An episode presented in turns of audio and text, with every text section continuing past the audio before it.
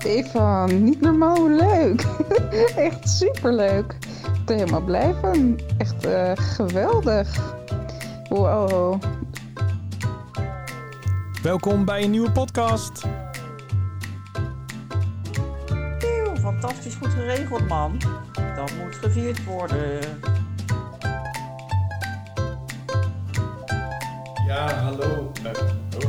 Ik heb wat verkeerd omgedraaid. Ja, hallo uh, lieve, lieve luisteraars. Um, vandaag weer een, een nieuwe podcast. Um, ik ben op dit moment in uh, Kerkdriel. En tegenover mij zit niemand minder dan Petra. Hallo. Hallo Petra. Gezellig. Gezellig. Kan je jezelf goed horen? Ja, ik kan mezelf prima horen. Ah, perfect. Zo, dan gaan we dat even zo mooi in regelen. ja. Ja, um, even denken hoor. Ik moet, ik moet even switchen nu, want normaal gesproken zitten we op kanaal 1 en jij op 2 en nu zitten we omgedraaid, maar dat maakt helemaal niet uit. Um, even denken. Ja, ik uh, ken jou nu ook, uh, net als Laura die dan in de podcast hiervoor zat, ja. uh, ook vanuit de Maximum Potential. En wij kennen elkaar dan dus nu uh, bijna drie jaar. Ja. En dat was april 2019, zei. Volgens mij wel, ja. Want Ja. we hebben elkaar met z'n drieën in een groepje leren kennen. Ja, Ja. precies. En uh, nou ja, jij dus ook Maximum Potential gedaan. En uh, ik zei het in de vorige podcast al eventjes, en we hadden het er net aan tafel nog over, over hoe eigenlijk het eerste contact was. Dat we elkaar tegenkwamen bij, uh, bij het eten of bij de lunch. Klopt. Um, en aan het eind van de avond dat jij dat we dachten van yes, we gaan even lekker Brabants gezellig nog wat doordrinken. En Petra was ineens zo flop pleiten. Ik veranderde van koers. Ja, ja, en later hebben we het er nog even over gehad van uh, waar was je, zeg maar. Ja. Dus uh, nou, dat zegt natuurlijk al genoeg over de persoon. Uh, oh, hij stopte er in één Hoor je keer. niks meer? Nu wel weer. Ja? Oh, oh nu niet meer. Technische problemen nu al. Hoor je me nog? Ja. Ja? Uh, dat zegt natuurlijk genoeg over de persoon wie jij bent. Ja. En uh, nou ja, laat ik zo zeggen, daarna heb ik jou nog een paar keer hebben we gebeld en zo. Een aantal dingen gedaan. En je bent nog twee keer bij mij geweest, volgens mij. Ja, ja, ik zat ook even te denken of het nou één of twee keer was. Maar volgens twee mij twee keer. keer. Twee ja. keer. Dat was, uh, ja, twee keer. Ja, gaat nou in één keer pom, belletje rinkelen. En uh, daarna hebben we nog een kaartlegging gedaan. Ook Energetische kaartlegging. Ja, Daar wil klopt. ik het straks zeker nog wel even over hebben, want dat was iets heel bijzonders. Um, even denken. Ja, en nou uh, is het weer een tijd verder. En nou zitten we hier weer uh, samen tegenover elkaar. Ja, wel volgens mij heeft het wel... Uh, ik denk dat er een maand of negen of zo tussen gezeten heeft. Tussen wat? Tussen nou, ja, onze laatste gesprek en het gesprek van vandaag. Ja. ja. Dus ja, ja, ook zeker. wel bijzonder, want het heeft wel echt, uh, ja, heeft er een hele periode tussen gezeten. Ja. En dat is prima, hè? want ik geloof altijd, uh, ja, op een bepaald moment dan, uh, dan neem je even afstand van elkaar. Ja. En op een ander moment dan kruis je juist de paden weer om, om weer nieuwe dingen te doen of van elkaar te mogen leren. Nou, inderdaad. En dat is, um, ja, je ziet inderdaad hoe dat gewoon soms loopt. En, um, en dat het dan gewoon ineens weg is. Ja. Ja, dat... En dat kan dan dus ook zo weer terug zijn. Juist, Hè? Dat is ja. dan ook wel bijzonder. Precies, want toen wij hier Ja. net in het, in het voorgesprek even samen aan tafel zaten, was het alsof we niet uh, zijn weg Nee. geweest. Nee, dus het is heel, uh, ja, het, ik vind dat aan de ene kant wel mooi, maar ja. Nou ja, goed. Ik geloof dat het uh, ook laat zien hoe makkelijk de draad op te pakken is als je gelijkgestemd bent. ja. En ik denk dat daar ook wel een kracht zit. ja. Ja, zeker weten. Ja. Ja, en ik denk ook wel dat dat, dat uh, de puurheid is en uh, waarin je dus met elkaar praat. En dus niet ook van, oh, ja, maar nou heb je even niet gebeld. Of uh, dit of dat, bla, bla, bla, bla. Dat er dan gelijk een paniek is van, het is nu even niet. Tijd is dan niet bepalend. Nee. Tijd speelt dan geen rol, want het is juist in het moment dat het ontstaat. Ja, precies. Ja. ja. Dus ja, dat vind ik altijd heel fijn met mensen Ja. die uh, gelijk gestemd zijn, inderdaad. Um, nou, nou wil, wil ik natuurlijk, en de meeste mensen om me heen, okay. die willen natuurlijk wel weten wie Petra is. Um, ik wil weten wat je dan zeg maar doet. En ik wil graag ook het pad weten, zeg maar, van vanaf het moment dat ik je leerde kennen tot wat je allemaal uh, hebt gedaan om jezelf te ontwikkelen, zeg maar. Oké. Okay. Want dat is best wel, best wel heel veel geweest. Heb je een paar uur? ja, ja hoor. um, uh, dat is best wel heel veel geweest tot Klopt. aan waar je nu bent, zeg Ja. maar. En uh, dat vind ik juist gewoon zo het mooie aan, aan het proces. Ja. Zeg maar. Dus nou, um, brand los, zou ik zeggen. Eh, nou, ik, eh, nou, voor de kijkers of luisteraars, ik ben Petra eh, van de Laarschot, eh 45 jaar. Ehm, ben als een tweeling ter wereld gekomen. Eh, dat houdt dus ook in, op het moment dat ik geboren ben, dat we meteen al, eh, ik werd meteen al vergeleken met mijn zusje. Eh, ondanks dat we totaal niet op elkaar leken. En nou, daar werd ik dus wel heel erg bewust van. ehm, ja, dat er eigenlijk wel altijd de strijd was om een plekje. Van wie ben ik nou en waar kan ik me onderscheiden van de ander. Eh, want ja, ondanks dat we zo verschillend waren, hadden we wel allebei dezelfde kleren aan. En kwamen we thuis van school, dan lagen wel de, de rapporten naast elkaar eh, aan het, eh, Oh, ja. tijdens de periode van, van het schooljaar. Dus ja, ik merkte wel al heel vroeg. ehm, ja, er is altijd een tegenstander. Er is altijd een tegenpol. En ik wil onderscheidend zijn in. Ehm, en dat was niet zo eh, dat ik dat er op de peuterschool of de kleuterschool ben gaan ervaren. Het was meer op het moment dat ik eh, in de, ja, de tweede klas van de lagere school kwam. Inmiddels is dat groep eh, drie of vier of zo. Ja, Dan moet ik even de switch ja maken. Eh, en daar werden mijn zus en ik uit elkaar gehaald. En dat merkte ik eh, als eerste. Dat ik, ja, ik werd gewoon gescheiden van, me, van mijn zusje. Terwijl ik samen ter wereld was gekomen. En dat had echt wel, eh, ja, dat was toch wel heel bijzonder. Want zij kwam bij een juf en ik kwam bij een meester. En Ja. zij mocht een pennenbak op tafel en ik mocht het niet. En ik weet nog dat ik een heel hoop stennis heb gemaakt. Want ja, ik wilde hetzelfde als, als haar. Eh, maar ja, goed. Elke klas had andere regels. Dus ja, dat heeft helemaal niet mee te maken hoe je ter wereld komt. Het heeft te maken met wie je omgaat. Ja. Eh, dus ja, hè, bij de een mag het één en bij de ander mag het ander. Dus daar kwam eigenlijk een stukje onbewust bewustwording. Ja, Dat heeft, me, dat heeft me wel gevormd eh, op een bepaalde manier. Ehm, en daar ben ik gewoon allemaal overheen gestapt. Dus een klein stukje van, van het tweeling zijn. Nou goed, ehm, toen even een vogelvlucht groep 8. eh, nou, de klas 6 dus eigenlijk. Ehm, daar ging ik me eigenlijk een beetje ontpoppen zo van... eh, oké, maar ja, ik ben eigenlijk wel een eigen individu.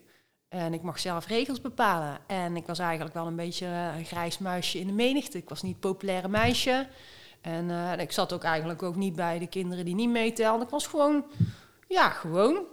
Eh, maar ik wilde eigenlijk toch wel heel graag onderscheidend zijn. Dus ik ging andere kleren dragen. eh, en make-up kwam natuurlijk. Ik had een mega hoge kuif destijds. Eh, ik stond veel voor de spiegel om te playbacken. eh, dus ik wilde eigenlijk wel heel graag aandacht en gezien worden. En daar Ja. heb ik dus ook op dat moment wel veel voor gedaan. Want in één keer ontpopte Petra zich totaal als eh, totaal iemand anders. Een beetje rebels. En, en toen werd ik wel gezien. En op school ging het dan iets minder. Want school vond ik niet zo belangrijk. Want ik vond het gewoon belangrijk om, om te laten zien wie ik was. Dus ik ging naar buiten. Ik had veel vriendjes en vriend, vriendinnetjes. En... ehm, ja, daar, daar ben ik een andere ontwikkelingsfase in gegaan. Maar ik kreeg heel snel verkering. Ik was 14 en ik eh, kreeg eh, verkering met, eh, met Albert van den Dungen. Oh, en eh, ja, dus eh, ja, in plaats van de relatie met mezelf aan te gaan, ging ik toch eigenlijk een relatie met de ander aan. En ik was eigenlijk meer een volger en hij een leider. Dus ik ben heel lang gaan volgen. Ja. En eh, nou, ik was 19 en toen eh, gingen we eh, samenwonen, dus was ook best wel jong. En ik had ook net mijn eerste baan, terwijl ik, ja, mijn vaste baan, want daarvoor heb ik heel veel baantjes gehad. Ik heb altijd wel heel veel gewerkt. En eh, toen ging eigenlijk een normale gezinsleven een beetje draaien. We hadden heel veel vrienden en ik ben echt wel altijd de gastvrouw geweest eh, voor anderen en thuis. En ik vond het ook heerlijk. Maar ehm, daar nooit echt over nagedacht tot ik 30 werd. En toen ik 30 werd, toen zei een vriendin tegen mij: Nou word je 30 en nou ga je nadenken over de stappen in je leven.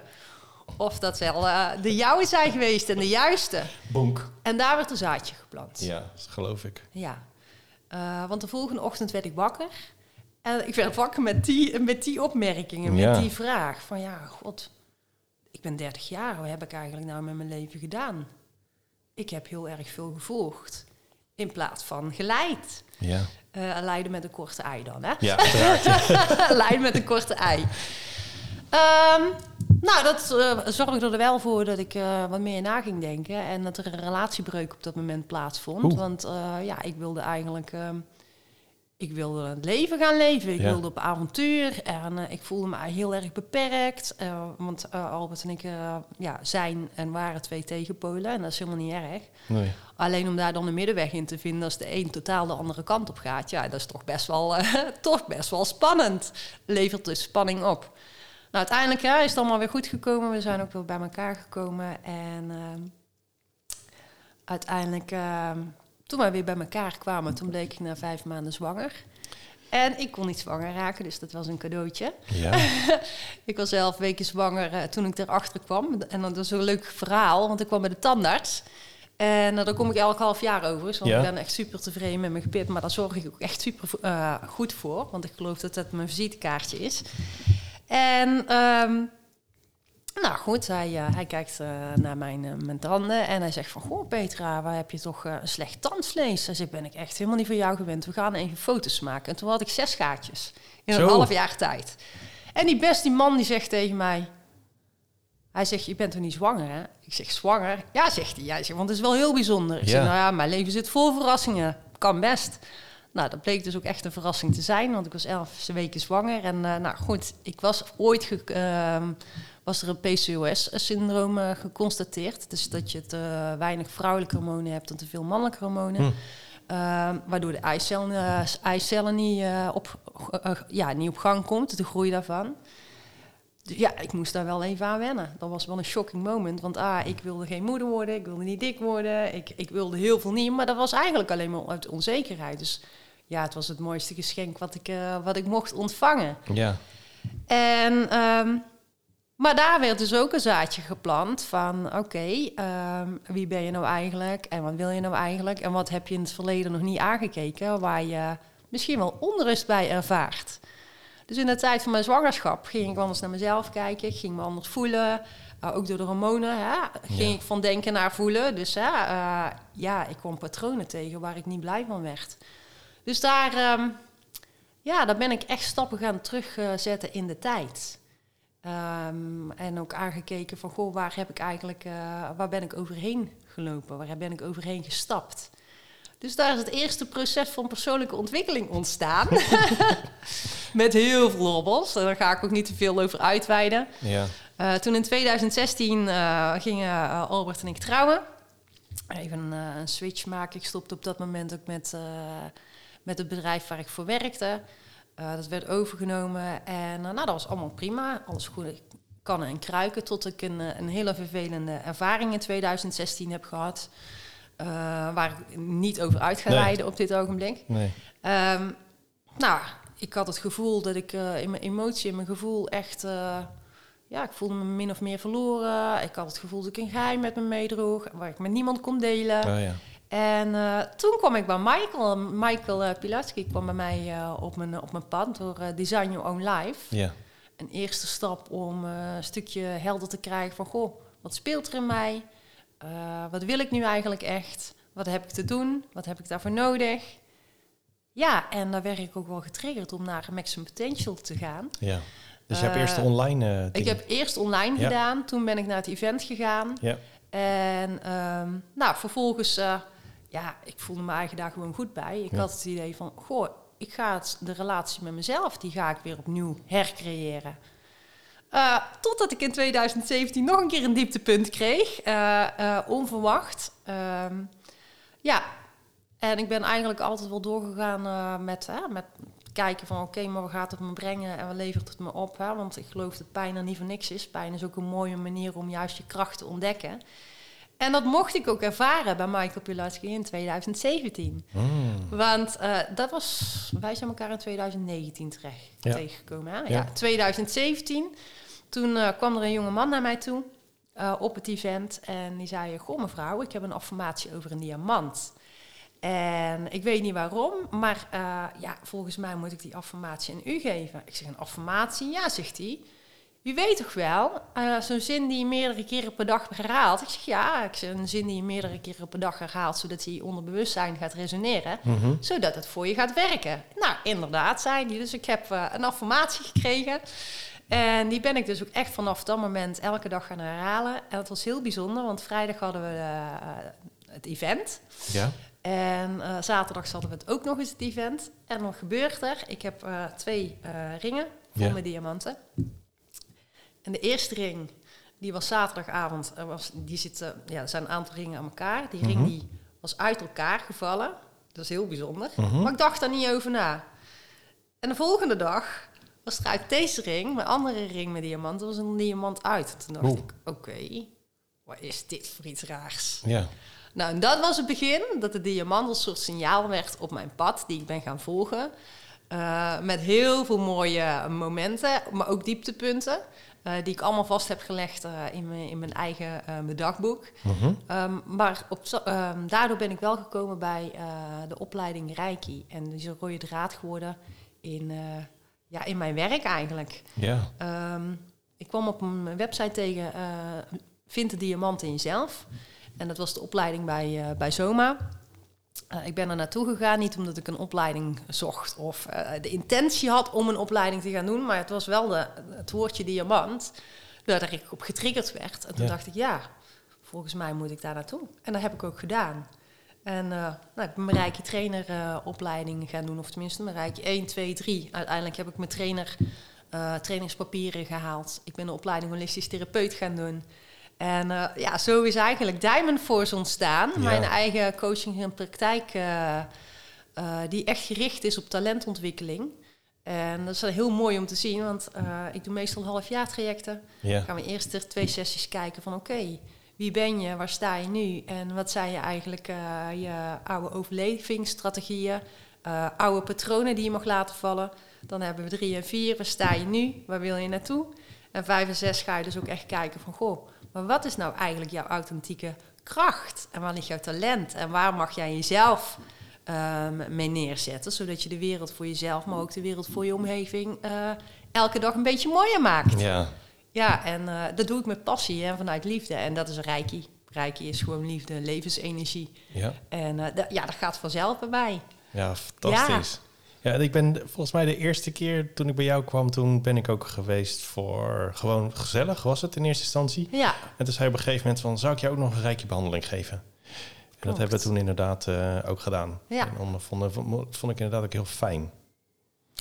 Ja. en daar is volgens mij ook een zaadje bij jou destijds geplant. Want vervolgens ben je ook je eh, papieren gaan... Nee, je Nee, had hem al, had je hem had al. hem al. Maar jij hebt er volgens mij nog wel een Reiki 2 aan toegevoegd, of niet? Eh, nee, die had ik inderdaad ook al. Die maar had het je heeft, ook al? Het heeft wel weer bij mij... Het, het, het, het is al, dat vind ik altijd zo met Reiki, dat het... ehm, ehm, als je er weer...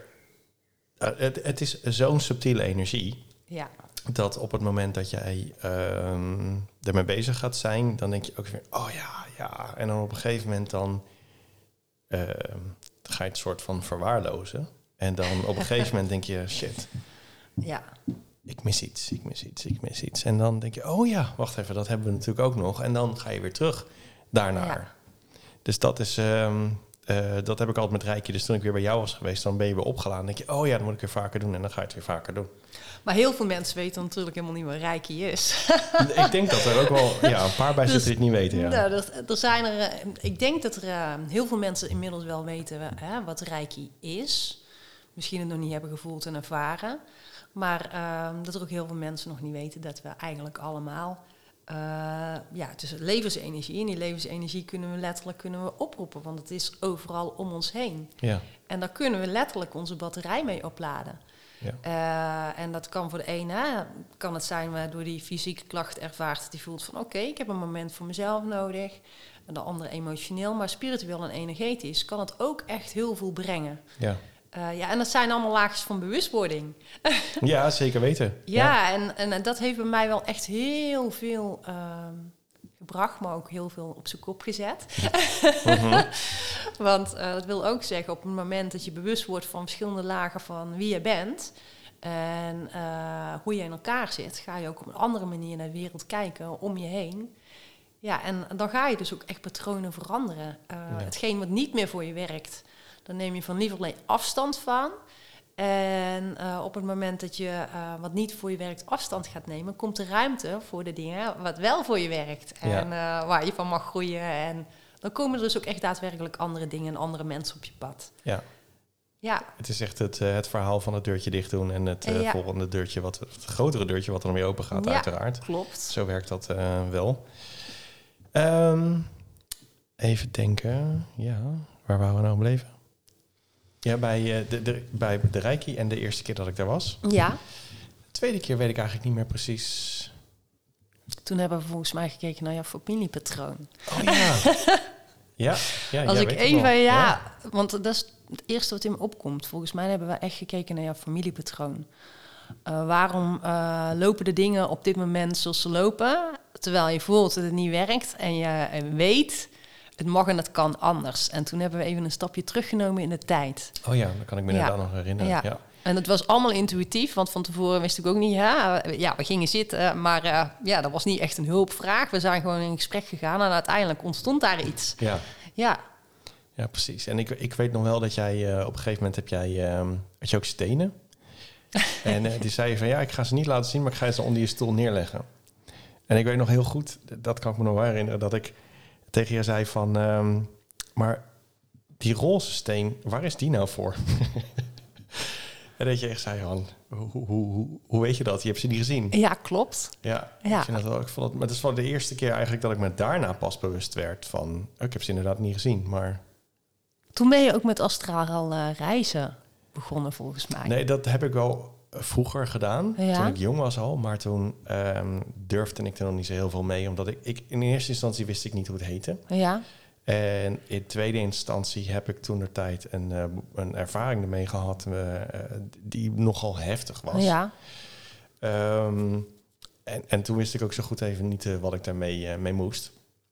Maar ehm, het, en ik weet wel dat ik, we hebben het er volgens mij toen ook over gehad, maar uiteindelijk heb ik natuurlijk ook tegen jou gezegd met die, ehm, die kaartlegging die je voor mij deed. Toen dacht ik van, ik ga er een uitdaging voor mezelf van maken. Ik, ga hem, eh, ik zeg, eh, trek er maar eentje voor mij, maar ik wil hem niet zien. Nee. Leg hem maar ergens neer. ja. Ja, en die heb ik toen eh, bij je mogen ophalen. En ehm, het was hem niet. Nee, klopt. Ja, en dat vond ik wel heel mooi. Want ik, toen dacht ik echt van... ja, je, kan natuurlijk meerdere dingen doen. Je kan natuurlijk denken van, nou, het is achterlijk. En toen ging ik aan jou uitleggen natuurlijk van eh, waar ik hem had gevonden. En toen zei je, ja, maar daar staat er wel een. Eh, die is niet van jou, maar ik zei, nou, maak daar maar eens een foto van. En dat, dat bleek hem En dat bleek hem te zijn. hè? Ja, Ja, ja, dat was heel ja dat was bizar. heel bijzonder. Ja, Ja. ja, dat was... eh, Ik weet alleen niet, nog steeds niet trouwens, of het dan de bedoeling was dat die kaart ook voor jou getrokken had moeten worden. Of dat het gewoon echt zo was van, nou goed, hè, de, de kaart met, Ja, met de meeste energie, want dat kan natuurlijk ook. Dat is waar jij je misschien op gefocust hebt. En niet, zo, ja, niet op de kaart die voor jou was, maar gewoon de kaart aan zich. ja. Dus het, kan, ja, het kan ook zijn gewoon dat het de eerste kaart is die ik tegenkwam. ja, Dat, ehm, ja, dat weet ik eigenlijk niet. Maar ik vond het in ieder geval wel het was wel heel mooi. Het was echt super mooi. Ja, Ja. zeker weten. Ehm, wat doe je nu? Nu, Nu. Ehm, ja, nu heb ik eh, echt eh, een eh, coaching, het coachingstraject, een halfjaartraject, om mensen echt heel bewust te maken van, goh, waar ligt nou echt jouw talent? Waar ligt jouw innerlijke kracht? Wat heb jij ehm, te doen op dit moment waar je blij van wordt? Waar je batterij elke dag opnieuw opgeladen wordt, in plaats van dat je het gevoel hebt dat je op wilskracht moet manifesteren. Mhm. Want ik geloof dat de weg is namelijk echt vanaf flow Ja, te leven, te doen. Eh, waardoor er meer rust ontstaat in onszelf. Maar ook meer rust ontstaat in de ge- omgeving om ons heen. Wat we ook onze kinderen meegeven. Want het gehaaste van deze tijd. eh, en dat zien we ook natuurlijk met social media. ja. Dat zorgt voor zoveel overprikkeling. Ehm, ja, en ik geloof niet dat de wereld daar mooier van wordt. Want we nemen helemaal niet meer de tijd om te genieten van, hè, van de zon, van, hè, van, van de bloemen buiten. Maar ook van bijvoorbeeld een mooie regenbui. Want eh, afgelopen zondag liep ik lekker eh, buiten in de regen. ja. En, en, en ik ruik dan ook echt hè, de buitenlucht. En ik kijk anders naar de wereld. Ja, ik geloof dat we dat niet meer doen. Nee? Ehm, en eh, op het moment dat we daar de tijd niet voor nemen, ja, dan nemen we dus al helemaal niet de tijd om te voelen en te ervaren van, goh, hè, maar hoe gaat het nou met mezelf? En wat heb ik nu nodig? Ja. Eh, want het is heel makkelijk om, eh, om jezelf te verliezen in alles wat daar buiten is. Maar ik weet hoe het is om de relatie met jezelf te verliezen. En ik weet hoeveel tijd het kost om de relatie opnieuw met jezelf aan te gaan. Om, eh, om weer het geluksgevoel te ervaren, om echt te kunnen stralen. En Ja. ja, ehm, en daar ben ik wel trots op. Hè? Metaforisch aan de diamant. Ik geloof dat iedereen en alles een reflectie is van onszelf. En dat er donkere kanten en lichtere kanten bij horen. Maar dat er wel voor zorgt dat daardoor heel veel kleur ontstaat. En dat we daardoor ook meer met compassie naar elkaar kunnen kijken. Want uiteindelijk zijn we allemaal een spiegel voor elkaar. En als je dat weet, hey, dan is het toch mooi om, eh, om naar iedereen die je tegenkomt een glimlach op te zetten. Want eh, weten. ja, daar begint een stukje bewustwording. ja, precies. En daar gaan dan heel veel harten open waar ze gesloten zijn. Ja. Waar ik in geloof, hè? Is Ja. mijn waarheid. Is mijn waarheid. Zeker, nee, ik, laat hem ook, ik, ik laat hem er vallen, maar ik ben het eh, inderdaad helemaal met je eens. Ehm, en, en wat je zegt ook, van er is, eh, we hebben minder, nou, we hebben eigenlijk geen tijd meer eh, om te kijken naar onszelf, om, om te voelen wie we zijn. Ehm, maar ehm, als ik wel een beetje kijk, dan hebben wij, zeg maar onze generatie, heeft nog wel een periode gekend waarin we wel wisten wie we waren. En als we nu natuurlijk gaan kijken naar de, de nieuwe kinderen nu, Mhm. die zijn natuurlijk eigenlijk geboren met een tablet. Of met een telefoon of wat dan ook. En ehm, ik vraag me wel af wat er met die kids gaat gebeuren. Op het moment dat zij ehm, ineens gaan ontwaken uit dat stukje. Dat zij dus denken van, goh, ehm, als ik nu, nu geen tablet bij me heb en ik kan niet meer vanuit ehm, dat je 's ochtends wakker wordt, je moet dit, eh, dan ga je naar school, dan moet je dat. Dan kom je daarna uit school terug, dan heb je alle tijd vrijheid om te doen en laten wat je wil. Ja. Maar je kiest ervoor om in een hoekje te gaan zitten met je tablet op je schoot. Dan moet je eten. Na het eten ben je weer vrij om van alles te doen tot aan bedtijd. Dan kies je ervoor om een tablet te pakken en in het hoekje weer te gaan zitten. Je zit al je emoties ehm, uit het scherm op te slokken en binnen ergens in je lijf weg te proppen. Want er is niemand die het gedaan heeft die naast je zit of Ja. zo. Dus het is allemaal. Dus het gaat allemaal, ook de positieve dingen en de negatieve emoties gaan allemaal in je lijf. Klopt. En vervolgens ga je naar bed toe. En dan, ehm, als je mazzel hebt, val je in slaap. Er zijn natuurlijk ook heel veel kinderen die daarna enorm gaan dromen. En dan waar dan ineens alles naar buiten toe Ja. komt. En op een gegeven moment ehm, eh, kom je er natuurlijk achter dat je... Je komt er op een gegeven moment achter dat, je, dat er iets niet klopt en dat er iets mist, omdat je gewoon niet meer leeft. Wat gaat er met die kids gebeuren straks? Nou, ik eh, geloof ehm, en ik zie dat er eh, ook wel genoeg ouders zijn op dit ogenblik die, die ook kijken van... Goh, hè, ik zie dat mijn kind vastloopt. Eh, ik zie dat ik zelf vastloop. Ik ben eigenlijk, het kind projecteert mijn pijn. Eh, dus ik mag er iets aan gaan doen. En eh, nou, de een die doet dat eh, door een stukje eh, zelfreflectie, ja, door een mindset te veranderen of door een rijke behandeling om een aantal blokkades op te sporen of juist energie te geven. De ander doet het bijvoorbeeld door te werken met essentiële oliën. Weer een ander gaat naar een masseur of naar een osteopaat. Voor iedereen is dat anders. Ik denk dat we wel steeds meer bewust zijn van alternatieve geneeswijzen om meer vanuit ons denken naar voelen te gaan. Ja. Dat zijn allemaal dingen. Hè? Uh, het begint natuurlijk met gedachten. Wat denk je? Uh, Oké, okay, waar komen die gedachten vandaan? Uh, hoe voelt het in het lichaam? waar zet het lichaam, geeft het lichaam een signaal van... oké, okay, maar hier zit een kwaal of hier zit het vast. Um, als we daar bewust van worden bij onszelf dan kunnen we ook gerichte vragen aan onze kinderen van oké, okay, maar ik zie dat je druk bent. Waar komt het vandaan? Ja. En uh, voel je dat ergens in je lijf? En heb je dat ook als je buiten bent? Of heb je dat alleen maar als je achter de televisie zit of achter een tablet? Uh, dan gaat het dus niet meer over van ik zie dat dit gebeurt, maar dan gaat het er meer over van oké, okay, hoe gaat het met jou? Wat voel je? Uh, zonder dat je meteen etiketjes op gaat plakken. Want Ja. we hebben heel veel etiketjes, maar wat zijn de symptomen achter die etiketjes en waar komen ze vandaan? En welk gevoel roept het op bij een persoon? Want oké, okay, uh, als ik buikpijn heb, dan ervaar ik het misschien anders dan jij het hebt. Dan Mhm. zit het net op een iets, hè, zit het misschien meer naar rechts of naar links. Kom je niet achter als je het etiketje al op hebt geplakt. Ja. En dan is het vraag, oké, okay, maar wat heb je nodig? En uh, waar kan ik jou bij helpen? eh, een stukje meer bewustwording van ehm, dat er altijd eh, wel een antwoord is eh, van die ander.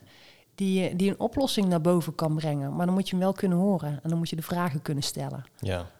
Dus het vergt eh, wat dat betreft ook heel veel van de ouders, zeg maar, van de kinderen, om dit traject aan te gaan in plaats van ze erin te veroordelen, zeg maar. Ja, ik denk dat we gewoon meer mogen luisteren naar wat, eh, wat een kind zegt.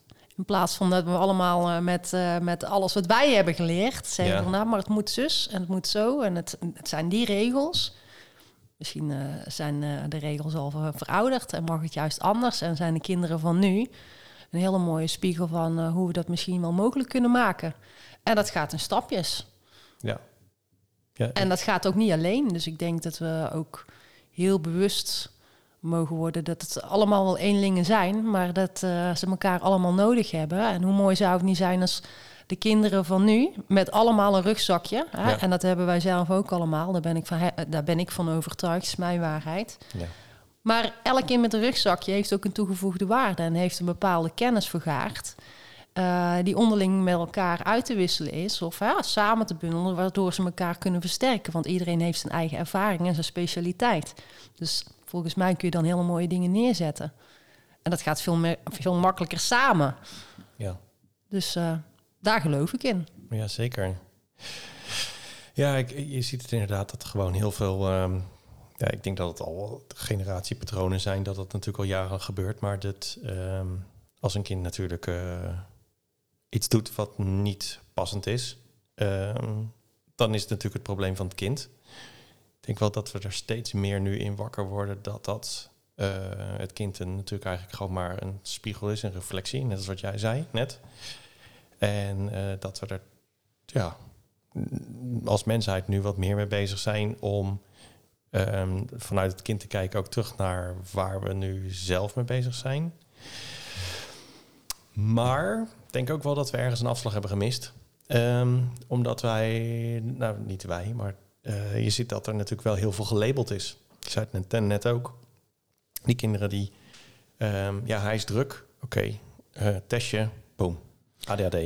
Ja, en dan, eh, dan gaan we dus niet kijken van wat ligt eronder. Dan gaan we naar de symptoombestrijding en dan uh, duwen we er een pilletje in. En Ja. dan is het probleem opgelost. Eh, maar ja, het probleem blijft altijd. En Ja. ik kan een heel mooi voor, voorbeeld noemen, denk ik. Dat is wel grappig. Eh, mijn zoon die had heel veel fratten op, op zijn knieën. En uiteindelijk kreeg hij fratten op zijn handen. En uiteindelijk kreeg hij ze bij zijn mond. Jo. En ehm, nou goed, hè, zijn vader die had het eh, vroeger als kind ook. En vroeger had je dan nog zo'n vrouw die legde daar een touwtje omheen en die kocht ze voor vijf cent. Oh ja. En dan waren die fratten weg. ja. Eh, nou goed, het heeft in ieder geval, hè, het is overgeslagen op, eh, op onze zoon Heiki. Dus die had uiteindelijk ook die fratten bij zijn mond. En toen dacht ik, ja, hij ging alleen nog maar zo zitten uit schaamte. Ja. En eh, ja, ik wilde een oplossing. En we hadden ze al laten bevriezen, Formule W. alle, alle dingen die hè, mogelijk waren binnen ons hè, gezichtsbereik of Ja, ja. handbereik hebben we geprobeerd. Toen dacht ik, ja, er moet echt iets anders zijn. Eh, want ja, en ik geloof dat eh, het signalen van het lichaam zijn dat er iets niet goed gaat. Uiteindelijk eh, ben ik gaan zoeken en kwam ik bij doTERRA Diamond Leaders. En toen dacht ik, oh, Diamond. Ja, ja, ja. Het signaal, daar mag ik zijn. Dus ik kwam in contact met Sandra Timmerman. inmiddels een goede vriendin van mij geworden. waar ik ook samen mee trainingen geef. En zij zei, ja, luister maar, fratten, dat is eigenlijk opgekropt emotie. Oh. Niet uitspreken van eigen waarheid. Ehm, ja, dus daar gaan we een olie van maken. Dus dat hebben we ook gedaan. Lavendel, frankincense en melaleuca. Melaleuca is eh, tea tree inmiddels. Ja, Eh, om te aarden. Frankincense is eigen waarheid. En eh, lavendel is uitspreken van.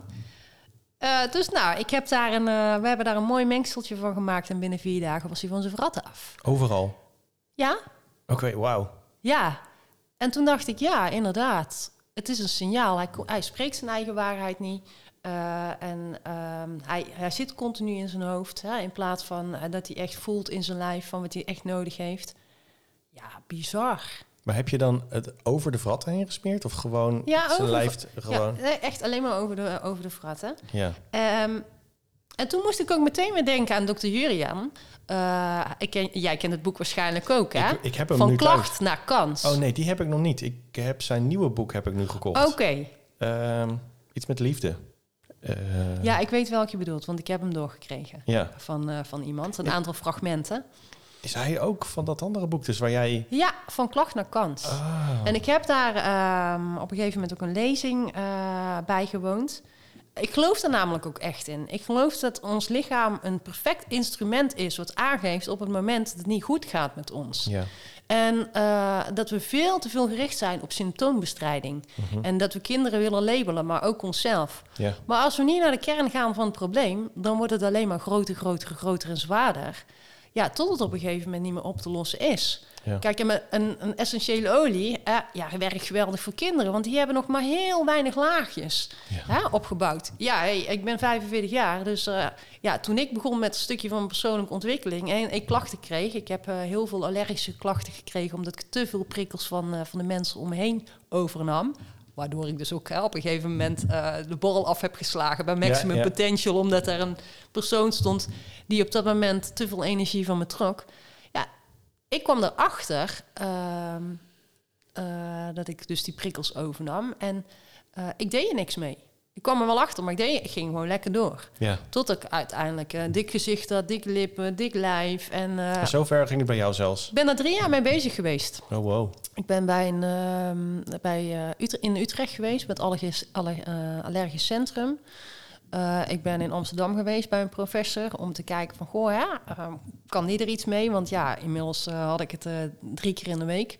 En ja, ik wilde ook niet meer naar buiten... want ik was best wel op mijn uiterlijk gericht destijds. En Ja. ik ben nog steeds wel dat ik het belangrijk vind om goed uit te zien. Maar als ik naar de sportschool moet of naar boodschappen doen... dan ga ik lekker in mijn joggingpak met een knot om mijn hoofd... De Jumbo-knot. ja. dus ik kan daarin wel meebewegen. Eh een beenmergpunctie laten doen. En uiteindelijk kwam ik bij een paragnost. En eh, die zei dus letterlijk tegen mij... Hey Peet, dat is echt superleuk wat je allemaal doet. Je bent er voor de hele wereld. Maar jij slurpt al die energie op. Hou die mensen op afstand. Ja. En ze komen dan huilend bij jou naar binnen. Gaan lachend weer naar buiten. Ja. Maar wat doe jij? Ja. Ja, en eh, dat was dus eigenlijk gewoon... Ik wilde ook niet luisteren naar de signalen die mijn lichaam gaf. Ik voelde me moe, uitgeblust. En, eh, en toch, eh, ja, ik liet iedereen maar komen. Want ik vond het belangrijk, hè. Ik wilde er voor iedereen zijn. Ja, ten koste van mezelf. Ja. Totdat mijn lichaam letterlijk zei van... Hé, hey, stop, niet verder. Mhm. Drie jaar verder. En er dan pas achter komen... Oké, maar ik moet gewoon luisteren naar mijn lijf. Ja. En uiteindelijk, hè, ons zoontje die dan die vratten krijgt... Hè, die ook niet uitspreekt wat hij nodig heeft... veel te veel met de buitenwereld bezig is... ja, hoe, hoe, hoe mooi wil je het hebben? Ja. Is de spiegel. Alleen, ja, bij hem was het dan mijn vratten... en bij mij was het echt gewoon een allergie, oedeem... en eh, een opgezwollen lichaam. Maar in principe, ja... eh, hetzelfde, alleen ja, bij hem was het verharding en Ja. bij mij was het meer hè, in, eh, ja, in een, eh, ja, een oedeem is natuurlijk vochtophoping van Ja. water wat niet kan stromen. ja, precies. En wat heb je eraan gedaan? Ik heb drie behandelingen gehad eh, bij die paragnost. Eh, dat was een vorm van reiki. Eh, hij gaf mij een aantal eh, tools mee, hè, de bewustwording van oké, wat voel je? Waar komt het vandaan? Eh, wie komt negatieve energie brengen of verhalen? Ja, of maar net hoe je het, hoe je het zegt. Ja. Word bewust wat mensen bij je doen. En maak wat selectiever keuzes Ja. in wie je toelaat en wie je op afstand houdt. Mhm. Ja, en daar een stuk bewustwording in te hebben gekregen, zorgde ervoor dat ik, eh, ja, ik heb nog maar één keer in het jaar of zo klachten. En dan krijg ik een paar bultjes en denk, oké, ik heb weer te veel van mezelf gegeven. Eh, ja, en ik voel mezelf natuurlijk elke dag mijn energie. Hè. Dus Ja. als ik voel dat ik laag zit, dan eh, geef ik mezelf reiki. En vroeger was het echt met, vroeger, ik moet niet over vroeger hebben, maar ja, Gisteren. 2018 of zo ben ik daarmee begonnen. Ja, eerst was het echt nog met handopleggingen. Nu Ja. pak ik een glas water en eh, die hou ik vast. En daar geef ik dan hè, mijn energie aan met de dingen die ik belangrijk vind. Ja. Die drink ik op. Ja, werkt op dit moment heel anders voor mij. Maar ik ben er al zo lang en zoveel jaren mee bezig. Ja, het is onderdeel van mijn leven. Ja. Ja, ik vind het altijd ik vind het mooi, want ehm, het is een onzichtbaar iets. Ja. Het is iets wat we allemaal bij ons dragen. Ehm, en Reiki is in mijn idee de positieve versie. Hoezo? Nou, ehm, Die vind ik wel interessant. Dus Ja. de positieve versie de, van. nou, de positieve versie van eh, wat wij eh, eigenlijk de hele dag doen. Ehm, Ja. Want ehm, als we het dus overal bij doen, dat, dat als we de, dat glas beet pakken Mhm. en onze, onze zinnen erop zetten en dat, dat we daar het glas mee laden. Als wij hier met ruzie aan tafel zouden zitten, dan zouden we dus theoretisch hetzelfde doen. Want het gebeurt allemaal soort van semi-onbewust. Ja. Ehm, en dan laden we dus dit glas met negativiteit. Omdat Ja. je dus gefrustreerd of wat dan ook zit. En dat gooi je naar binnen toe. Klopt. Dus ehm, vandaar dus de positieve versie zeg maar, Ja. van Reiki. En het is eigenlijk natuurlijk heel bijzonder dat we in een wereld leven... waarbij ehm, we mensen moeten... Nou, niet moeten natuurlijk, maar waarbij we dus mensen moeten gaan leren... om ehm, op eh, hun leven naar het positieve te draaien. Ja, ik geloof dat dat wel de boodschap is naar de wereld. Ja, En er is ook wel een heel mooi, eh, ik weet zo even niet ehm, hoe die eh, beste man heet, maar er is een experiment met water geweest. Ja. Weet jij nog hoe het heet? nee. Maar ik, ik, ik weet het wel met het... eh, je bedoelt met het invriezen ook daarvan. Ja, Ja. misschien is het wel mooi om onder de podcast Ja, daar eh, even een link onder te zetten. Maar water is dus eigenlijk, er is een, onderzoek geweest, een experiment. Ehm daar zijn er verschillende potjes met water. Ja, Daar worden etiketten op geplakt. En de een is met een liefdevolle tekst en de andere is met een hatelijke tekst. En zo hebben ze allemaal een, een eigen label. En ze worden dus ook elke keer op een bepaald moment gevoed. De ene met liefde, de andere met boze berichten. En eh, op een gegeven moment gaan ze dat water invriezen en dan gaan ze er plakjes van snijden. Echt heel dun. En dan Ja. gaat onder een microscoop en dan zie je dus daadwerkelijk dat eh, het water eh, met een liefdevol eh, label en liefdevol is toegesproken prachtig kristal is. En het andere, hè, wat eigenlijk met hatelijke berichten eh, ehm, ja, eh, besproken is en met, ook met een label beplakt, dat het eigenlijk gewoon gelig is en dat het helemaal niet helder mooi kristal is gebleven zoals eigenlijk het eerste. Nou, dan kun je je voorstellen, als dit het experiment met water is en wij bestaan voor eh 80 80% uit water.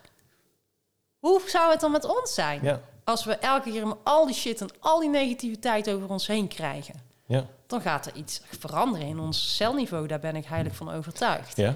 En dan word je ook heel bewust dat Rijkje een manier is om juist ervoor te zorgen dat van dat eh, troebele water en het kristal, om juist weer iets helders te maken.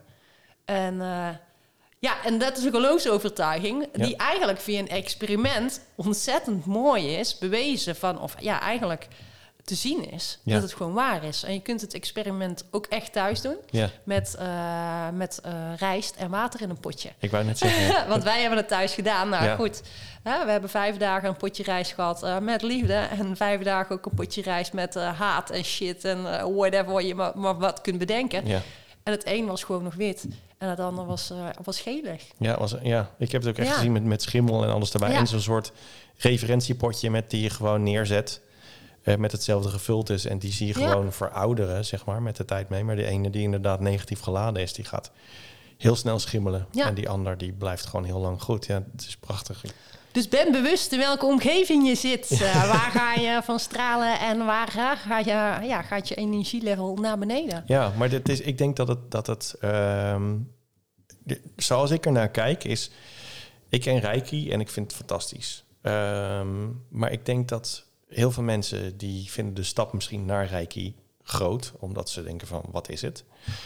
Ehm, ik denk dat het daarbij wel goed is om voor die mensen te ervaren dat wat zij doen eigenlijk elke dag is ook Reiki toepassen, alleen negatief. Negatief, klopt. Dus ze komen Mooi van je. ja, van Mooie die- aanvulling. ja, van die, van die negatieve dag thuis vanuit werk of wat dan ook. Ja. En eh, er zijn ook heel veel mensen die zeggen ook altijd van... ehm, wat je nu heel erg ziet is dat ehm, de keuken eh, van de meeste mensen wordt een leefkeuken.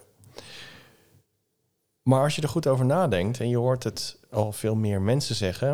op het moment dat je gaat leven in de keuken... dat betekent ook dat je het eten wat je staat te bereiden... vult met die energie. En als je thuis komt en je gaat aan de eetkamer of aan de keukentafel dan zitten, eh, in, de, in, in de keuken waar gekookt wordt, en je begint over van, nou, dit was niet leuk, en file, en zus en zo werk, en dan gaat dat dus in het eten, Ja. wat je vervolgens natuurlijk ook weer opeet. En ehm, het zijn natuurlijk dingen waarvan de meeste mensen zeggen, oh, weet je, ja, lekker ver van mijn bed. Maar Reiki is het precies tegenovergestelde. En dat is wat je wel voelt als je dus een behandeling krijgt van Reiki. Klopt. Ja. En dan blijf je dus ook in die. Een tijdje in die. In die eh, dat blijft in je lichaam zitten natuurlijk een bepaalde tijd. Totdat het verteerd is ook. Als je er niks meer mee doet. Ja, zie het als een energieboost. Ja. Zie je Reiki als een energieboost. Eh, als je naar eh, een, iemand gaat die een Reiki behandeling heeft. Hè, we hebben allemaal eh, oh ja, chakras in ons lichaam. Het zijn een soort tandwieletjes die ervoor zorgen hè, dat, dat we ja, de dingen kunnen doen die belangrijk zijn om, om het leven te kunnen staan. En op bepaalde momenten door een ervaring hè, kan het zo zijn dat, ergens even, dat het even spaak loopt. Nou goed, door middel van Reiki ga je weer hè, juist die energie sturen naar bepaalde punten wat belangrijk is voor de betreffende persoon op de wandeltafel om meer normaal te kunnen functioneren. Het is niet de bedoeling dat Reiki een hulpmiddel wordt, hè, zodat je niet hoeft na te denken, zodat je elke keer die batterij... Het gaat erom dat je bewust wordt van, oké, maar ik heb last van mijn keel of ik heb last van mijn onderrug. Mijn onderrug hè, staat voor zelfvertrouwen. Ik heb buikpijn, emoties. Keel niet uitspreken wat, wat je eigenlijk werkelijk nodig op, eh, hebt of wenst. En ehm, dus het zijn signalen. En Reiki is een hulpmiddel om bewust te worden. Wat gebeurt er in mijn lichaam? Wat voel ik? ja. Het is niet de bedoeling dat het een redmiddel wordt. nee, dat ben je al te ver weg. Ja. Ja, hè, want ehm, ik werk graag met mensen die al een stukje eh, zelfreflectie hebben gedaan. Die bewustzijn hebben gecreëerd van oké, maar eh, wat is er meer wat zichtbaar is van buiten? Ja. Wat zit er ook van binnen? Ja. Waar ik nog van mag leren. Ja. En eh Reiki is daar een mooie tool bij. Ja. En het moet niet zo zijn dat, het, eh, dat iemand de karttrekker moet worden, een rijke behandelaar de karttrekker moet worden van de shit die je eigenlijk nog niet op wil ruimen. Want ja, dan kost het die behandelaar ontzettend veel energie. Ja. En ik weet het natuurlijk uit ervaring, Ja. want hè, ik nam al die prikkels over zonder dat ik me bewust weg was van. Eh, dus ik wil niet de karttrekker zijn, ik wil degene zijn die bewust maakt van: oké, dit gebeurt er in je lichaam, wat voel je? En wat wil het je zeggen? En in, in de coaching ja, raak ik dan altijd wel een, eh, een pijnpunt, een dieper Mhm. laagje. Ja. Wat soms heel erg venijnig en vervelend is. Maar uiteindelijk wat zoveel ehm, ja, nieuw licht eh, werpt op een situatie... waardoor er daadwerkelijk verandering kan plaatsvinden. Ja. En dan ben je goed bezig. Ja, precies. Dat is mijn gevoel. Ja. Ja. Geen woord aan toe te voegen. Ja. ja. Ehm, de, wat mij nog niet helemaal duidelijk is, Ja? is waarom ehm, zouden mensen, eh, welke mensen heb jij of wil jij hebben bij jou in je praktijk? Wa- wa- waarvoor zou ik naar jou toe moeten komen? Waar, de, ehm, Je komt bij mij als je een onbestemd gevoel hebt... dat je weet dat er meer in je zit dan dat je daadwerkelijk laat zien... mhm. maar waar je nog niet eh, je vinger op kan leggen. En dat kan zijn eh, dat je bepaalde talenten en kwaliteiten nog niet van jezelf ziet, Mhm. eh, die, die wel wil hè, ehm, ja, opgraven eigenlijk, om eh, daadwerkelijk er voor jezelf te kunnen zijn. Dat je het gevoel hebt van oké, maar wat er in me zit, dat mag ik ook daadwerkelijk laten zien, zodat ik de verandering ben voor mezelf en de wereld om me heen. Want we zijn allemaal schakels in het geheel. Hè? Holistisch gezien geloof ik dat we allemaal één zijn. En dat het een niet zonder het ander kan. Dus als er één schakeltje tussenuit valt, ja, dan is eigenlijk het al gedoemd om een bepaald project te laten mislukken. Daar geloof ik in. ja, Uh, dus talent en kwaliteiten staat voorop. Uh, en daarnaast doe ik ook een stuk business, business coaching. Ik Mhm. geloof dat er heel veel mensen wel weten van... oké, hier ben ik goed in. Mhm. Maar dat er net een klein schakeltje mist... waardoor ze misschien net die omzet niet halen... of de business neer kunnen zetten zoals die uiteindelijk werkelijk bedoeld is. ja, En dan hoeft één zetje in de rug... Hè, dat kan al het verschil maken om, uh, om een hele andere koers op te gaan varen. Dat is net zoals met soep. Hè, je gooit ook niet eerst een hele pot zout erin om smaak te brengen. Nou, één klein beetje kan, ja, dat kan het verschil maken in, uh, in, in het manifesteren en creëren van eigenlijk hetgene wat jij wenst. ja, precies. Of wat jij hè, wil, uh, wil zijn. Ja, dus eigenlijk op het moment dat ik uh, op, die, op die manier vastloop, dan maakt niet uit of dat nou zakelijk is, privé of, of uh, met, met wat dan ook. Nee. Ehm, dan kan ik, me, kan ik bij jou terecht. Ja. En dan ga jij eh, met alle tools, eh Reiki, maar ook met de olie en dergelijke, zo waar we net ook een beetje over hadden, ehm, iemand eigenlijk soort van pijnigen. ja, Want je gaat naar boven ja halen wat ik ze haal al naar die ja- boven ja, wat, eh, wat niet fijn is. ja, wat ze al die jaren niet hebben willen Ja. zien. Ja, En Klopt. van daaruit ehm, ehm, wijsheid geven. Mm, nee, ik, geef ze gewoon, eh, ik geef ze gewoon terug wat de innerlijke stem wil laten weten. Ik ben het klankbord. Ah. Ik, geef, ik stel vragen, Ja. ik hoor wat er gezegd wordt, ik zie wat er gezegd wordt in energie. Ja, of het waar is of wat het niet waar is. Daar reageer ik op en dan stel ik de volgende vraag. ja.